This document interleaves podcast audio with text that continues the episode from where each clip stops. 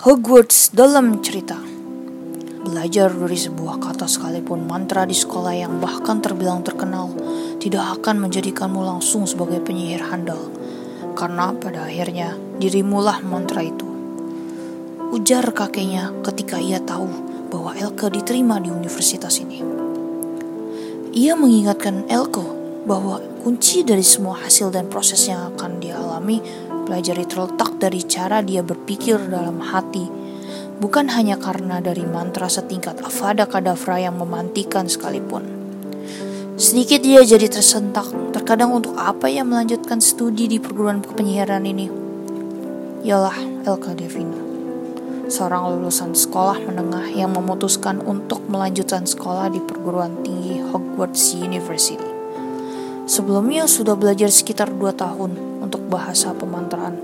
Di sana, ia belajar dari sekolah Sandolan, kemudian lanjut ke Bisuful. Dan sekarang, pada akhirnya, ia sekolah di Hogwarts, sebuah kampus penyihir di sebelah Bisuful. Sekolah ini cukup fantastis. Mengapa? Nyatanya banyak sekali penyihir terkenal yang berhasil jadi lulusan di sini. Dan mari ditebak, ia terjebur di House of Hufflepuff, di mana WC asrama ini adalah toilet ternyaman yang pernah ada jika sewaktu-waktu kita ingin pup di dalamnya. Baginya, seorang Elke atau biasa disebut dengan Etna oleh teman-temannya, WC jongkoknya terlalu canggih untuk kelas seorang penyihir kerupuk sepertinya. Airnya bisa memancar sendiri cukup dengan menepuk tangan. Lalu bayangkan, tisu toiletnya bisa terbang dan robek sesuai keinginan dan kebutuhan.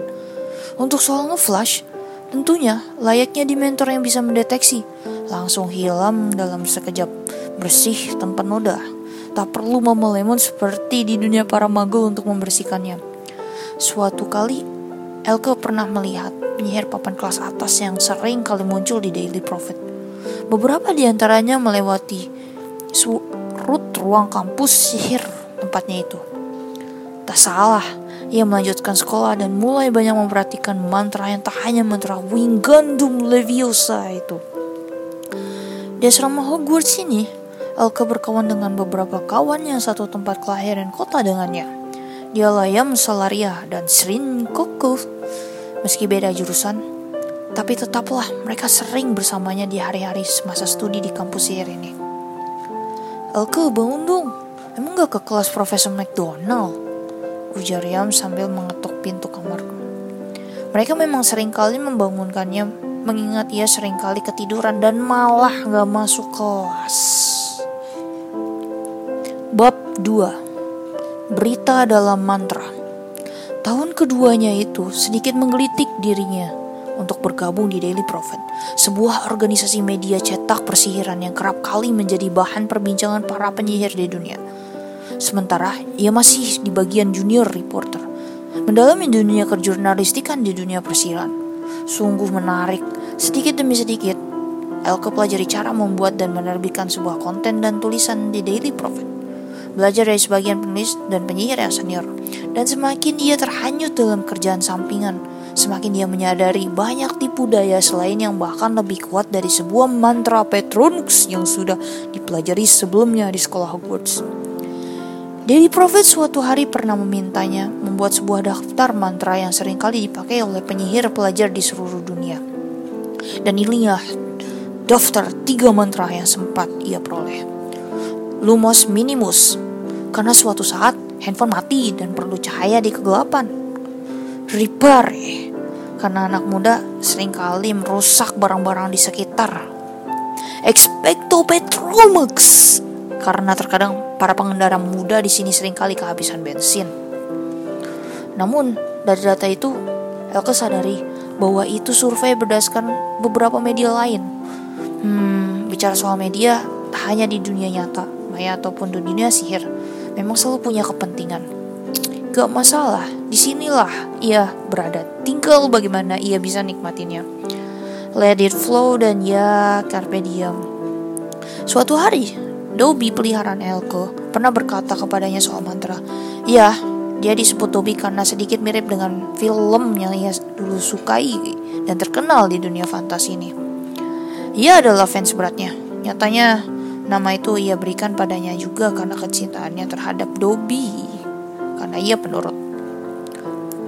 Mantra ini terlalu bermakna, bukan bermakna dan berguna, ungkap Dobby sebagai majikan. Itulah Dobby, sering kali mengatakan kalimat-kalimat dan mantra tidak jelas, tapi selalu ada maksud di baliknya.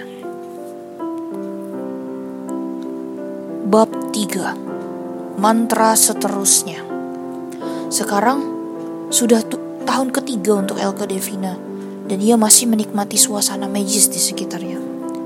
Sampai di tahun ketiga ini, tongkat sihirnya terbarunya baru saja sampai. Mereka memang jarang mengirimkan surat ajaib yang bisa ngomong cuap-cuap tanpa harus dibaca. Tapi aku percaya, lewat semua yang telah mereka berikan dari kejauhan adalah kasih sayang tersirat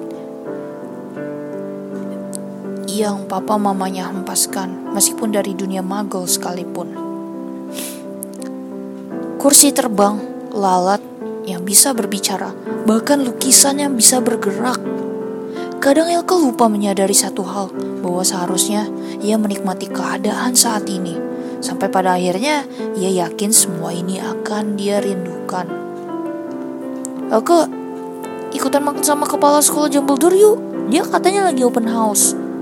Ajak Sub Junior dan Karus Junior dua kawannya di Daily Prophet yang biasa menghadiri acara dari, acara dari Profesor Dumbledore dari Quidditch. Hogwarts University memang tempat yang menantang, membuatnya tertekan, banyak mantra, dan kadang sedikit membuatnya meledakkan mantra Expelliarmus ke profesor-profesornya. Tapi sekarang Elke semakin menyadari bahwa semua ini menyenangkan terjadi.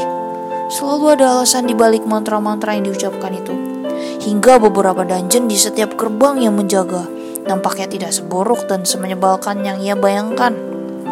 Kadang seorang Elke Devina sepertinya itu memang aneh, epic, tapi karena itu ia spesial. Seringkali berpikir untuk ingin kabur dari sini. Namun selalu ia pikirkan dan selalu ia pertimbangkan secara matang kembali.